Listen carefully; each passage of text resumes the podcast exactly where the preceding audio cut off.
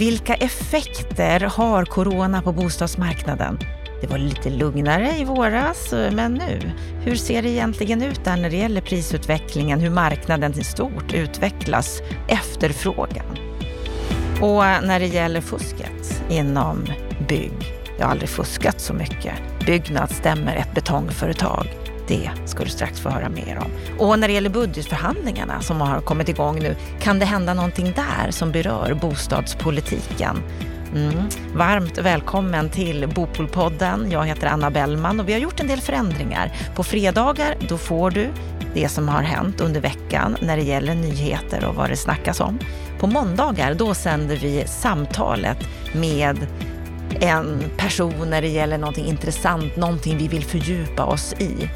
Nu på måndag kommer du att få träffa Erik Norin när det gäller arkitektur och arkitekturupproret. Men nu är det fredag och då fokuserar vi på veckans Aktuellt.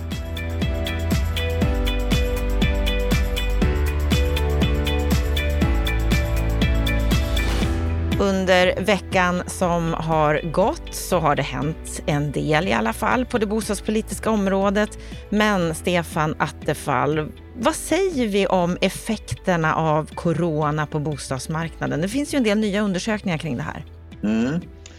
Man kan säga att eh, alltså en bild som är ganska känd nu det är att eh, priserna på bostadsmarknaden, framförallt kanske storstäderna, steg i början på det här året och så sjönk det lite grann här under pandemins värsta effekter under mars-april här.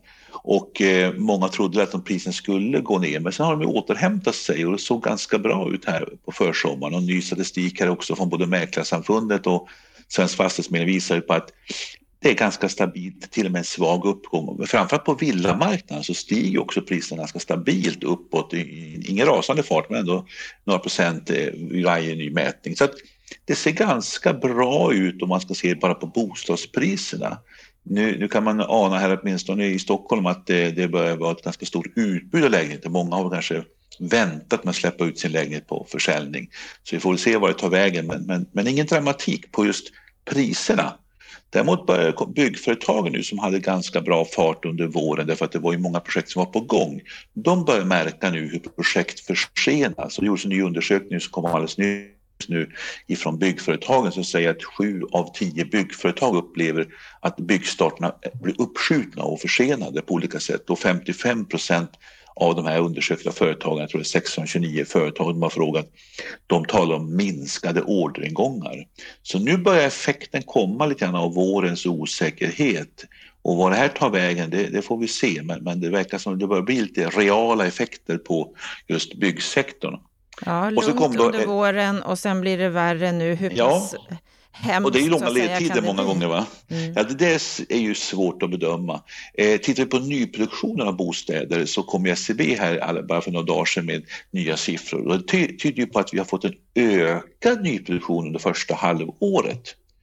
Men det verkar vara mest hyresrätter som har ökat och det kan vara en effekt av att vi hade ju den här osäkerheten, de här nya reglerna för investeringsstödet till hyresrätter. Det kom vart väl klart om jag kommer ihåg nu i februari och det fanns ett antal projekt som på något sätt låg och väntade. Det kan vara en del sån effekt. Det intressanta med den statistiken är ju att hur småhus framförallt upplever kräftgång. Alltså de har på något sätt aldrig fått någon uppgång som flerbostadshusbyggare har fått sedan, förra finanskrisen.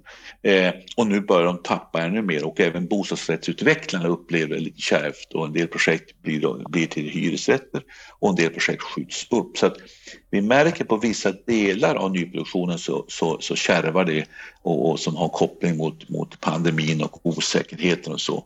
Men eh, det är ingen, ingen eh, ska säga, dramatik på den sektor som rör bostadsmarknaden. Det är ju en helt annan dramatik sen på de här som håller på med kommersiella lokaler i form av kontor och, eh, och affärslokaler. Och hur skulle du eh, säga att dramatiken ju, ser ut där? Ja, där, är ju, där är ju särskilt vissa typer av fastighetsbolag har ju kämpigt som har ju fått självklart stöd från staten. Jag tror läste en artikel nu att hur en tredjedel av allt stöd till, till eh, eh, butiker och, och, lokaler som staten betalar för hyresstöd har gått till NK-butikerna i Stockholm. Eh, alltså av det stöd som utbetalas i Stockholmsregionen. Eh, alltså eh, de här lokalerna har det kämpigt alltså och haft det kämpigt. Även om de har upplevt en bättre sommar säkerligen. Så, och där tror jag vi kan få strukturella förändringar också. Alltså, företagen börjar fundera på, ska vi ha så stora kontorsytor? Folk kan jobba mer hemifrån. Eh, jag tror att där, får, där kommer det få direkta effekter på hela marknaden. Alltså man måste tänka om lite grann. Mm. Logistikfastigheter däremot kanske till och med fått uppsving för att vi beställer mycket mer på nätet idag. Och logistik eh, blir en viktig faktor och det säger också lastbilsbranschen, den rullar på bra medan personbilstrafik, äh, eh, persontransporter har det kämpigt. Så det, det rör på sig så att det kan få sådana strukturella förändringar. Men eh, det är framförallt de här som håller på med kommersiella fastigheter som upplever nog en större coronaeffekt än de som håller på med bostäder. So far. So far, ja. Vi får se, för det kommer som du säger förmodligen bli ganska stora förändringar på sikt. Sen har vi en annan sak som har hänt här i veckan. Det har kommit en rapport där det framkommer att Byggnads stämmer ett betongföretag. Ja, just det.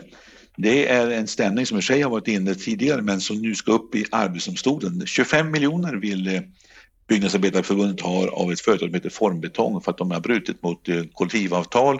De har alltså eh, påstås ha under slavliknande förhållanden utnyttjat arbetskraft, ofta utländsk arbetskraft och de har inte betalt löner och det här har tillbakavisat ju Formbetong men det är intressant, det är ett stort mål, det är principiellt intressant och det ska bli intressant att följa hur det här går.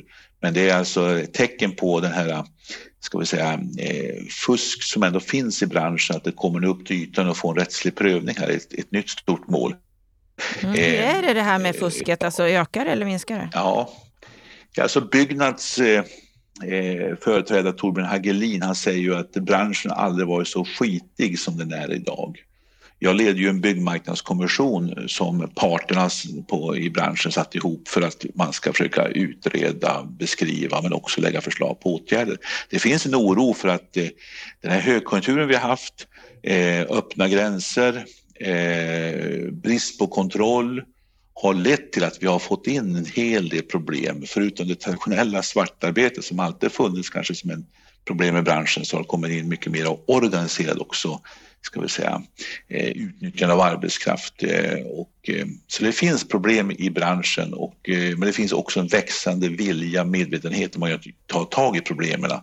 Och vi ska se vad som händer men det här domen som sen kommer i Arbetsdomstolen blir intressant eh, att följa för att se hur lagstiftningen också eh, biter i den här typen av frågor. Mm. En eh, annan sak som hänt under veckan det är att Anders Nordstrand på allmännyttan, han vill ha rotstöd för hyresrätter.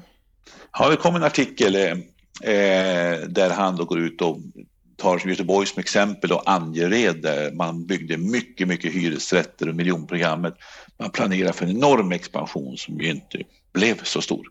Eh, och så har man fått många tomma lägenheter och så har det flyttat in många människor med en svagare ekonomisk och social station och så har det kommit många människor med invandrarbakgrund och så där blir problemområden och så har husen också nu i skriande behov av upprustning. Och han har det som illustration för hur stora behov som finns att rusta upp miljonprogram och områden. Han talar om att allmännyttan har upprustningsbehov på 63 miljarder kronor. Och då ropar han efter ett stöd från staten som en slags, eh, ja, han använder pandemin som argumentation, men låt mig säga så här att många använder ju pandemin för att eh, skaka av sina gamla förslag. Eh, man har ju förut också ropat efter stöd. Och då kan man säga så här att Ja, ska man, han använder argumentet då vi ska ha någon slags rotstöd där så man kan få rotstöd om man renoverar sin villa eller sin bostadsrättslägenhet.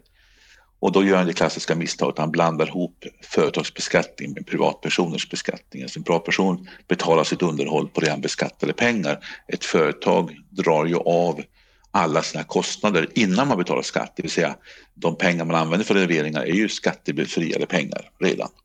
Eh, jag tycker det är falsk jämförelse. Men det, det kanske mer intressanta är, ska man stötta renoveringar av befintliga hus därför att de är nedgångna? Då finns det två tycker jag, principiella invändningar man ska ha mot ett sådant resonemang. Det ena är ju då, jaha, vad säger du då till den här undersköterskan som har flyttat in en nyrenoverad lägenhet i ett, tid, ett annat område som redan är upprustad? Hon fick inget stöd, men det är kanske bostadsföretag som inte har skött sina fastigheter och låter dem gå ner sig där går staten och skattebetalarna in och betalar pengar. Det är alltså en rättvisefråga som man ska vara aktsam för att ge sig in i och, och och trampa fel i. Men det andra argumentet också, det här bevisar också en annan sak och det är att hyresförhandlingssystemet uppmuntrar ju inte till årligt underhåll. Alltså bostadsföretagen i Göteborg Angered, för att ta det som exempel som Anders Nordström pekar på, de har alltså inte sett till att hyrorna har följt med på ett vettigt sätt i utvecklingen och prioriterat att underhålla bostäderna så det blir de här gigantiska underhållsbergen. Och det är där problemet sitter. Och här har vi ett systemfel också i hela hyresförhandlingssystemet.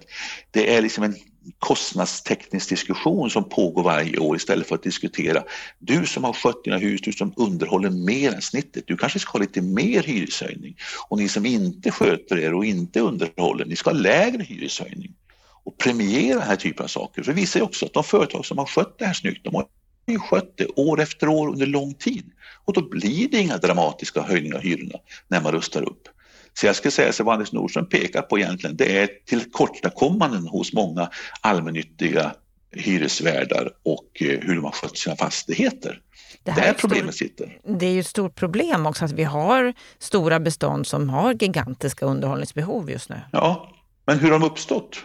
Ja, men jag, får Så jag ansvaret? Ja, men vi kan ta Jönköping som exempel. Vi har också haft så här, där jag har varit ordförande i det kommunala bostadsbolaget och här långt före min tid så börjar man underhålla bostäderna mer ambitiöst än SABO-snittet. Och man fick aldrig några hyreshöjningar trots att man gjort alla de här standardrenoveringarna och standardhöjningar mer än 20-25 procentiga höjningar när man gjorde de största höjningarna. För att det, men man har skött det under lång tid och haft god ekonomi. Men de här bolagen som inte har gjort det, de har inte, som inte skött om sina fastigheter. Hur kan man komma till rätta med det här? För de ja, verkar ju inte göra har man, det heller. Och, och har man inte råd, då får man väl i så fall sälja en del av sitt bestånd till andra som kan rusta upp det. Eller göra andra saker. Men man måste ju sköta om sin fastighetsportfölj och se till att man inte får de här gigantiska höjningarna.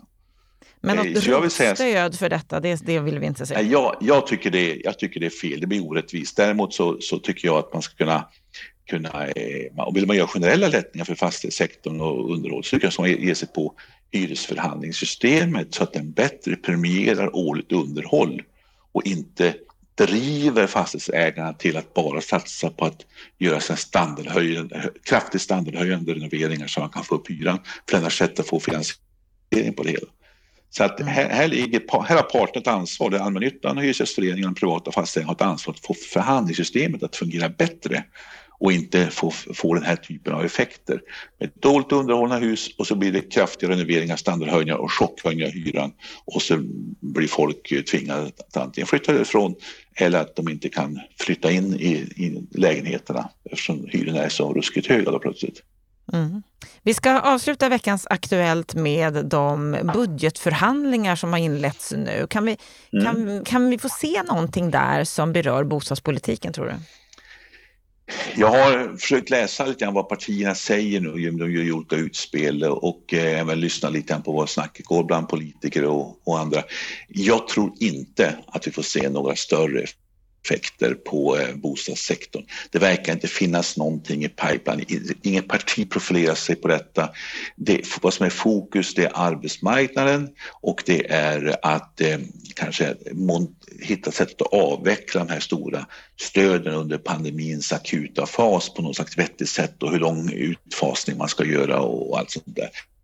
Eh, Möjligtvis kan det komma en diskussion om man ska göra någonting på rotavdragssidan för att stimulera hantverkarjobben eh, eh, eller någon solcellsbidrag av miljöskäl. På, på, den typen av områden kan det komma någonting. Men jag tror att det, det verkar som att politiken är inte fokuserad på bostadsfrågorna den gruppen som står utanför bostadsmarknaden, gruppen som, som, eh, grupperna som inte kommer in på bostadsmarknaden, de tror jag inte har så mycket att hämta i den här budgetförhandlingen. Tyvärr. Mm. Tyvärr. Om vi ska sammanfatta veckans Aktuellt så effekten av corona, den kommer nu. Vi har inte sett den så mycket inom bostadssektorn under våren. Nu mm. kommer det fler och fler uppskjutna projekt och att nyproduktionen har ökat när det gäller hyrt boende. Sen har vi men det här med, ägt boende. Mm. Men inte på det ägda boendet, precis. Det fuskas mer än någonsin enligt Byggnads, i alla fall när det gäller arbetstider och löner. Detta med att få rotstöd för hyresrätter är ingenting som du tror på, Stefan. Däremot borde de allmännyttiga bolagen ta sitt ansvar när det gäller upprustning. Och i budgetförhandlingarna, där behöver vi inte ha allt för stora förhoppningar. Stämmer bra det. Tack för veckans Aktuellt den här veckan, Stefan Attefall. Det var veckans Aktuellt ifrån oss på Bopolpodden för den här veckan. Vill du komma i kontakt med oss, då gör du det på podd.bostadspolitik.se. Stort tack för att du lyssnar, att du sprider. Ha nu en riktigt skön helg, så hörs vi på måndag igen. Då får du träffa Erik Norin som är en av grundarna till Arkitekturupproret där vi får veta mer om vad han tycker om arkitekturen i landet, hur den borde förändras för att mer spegla det människor verkligen vill ha. Vi hörs då.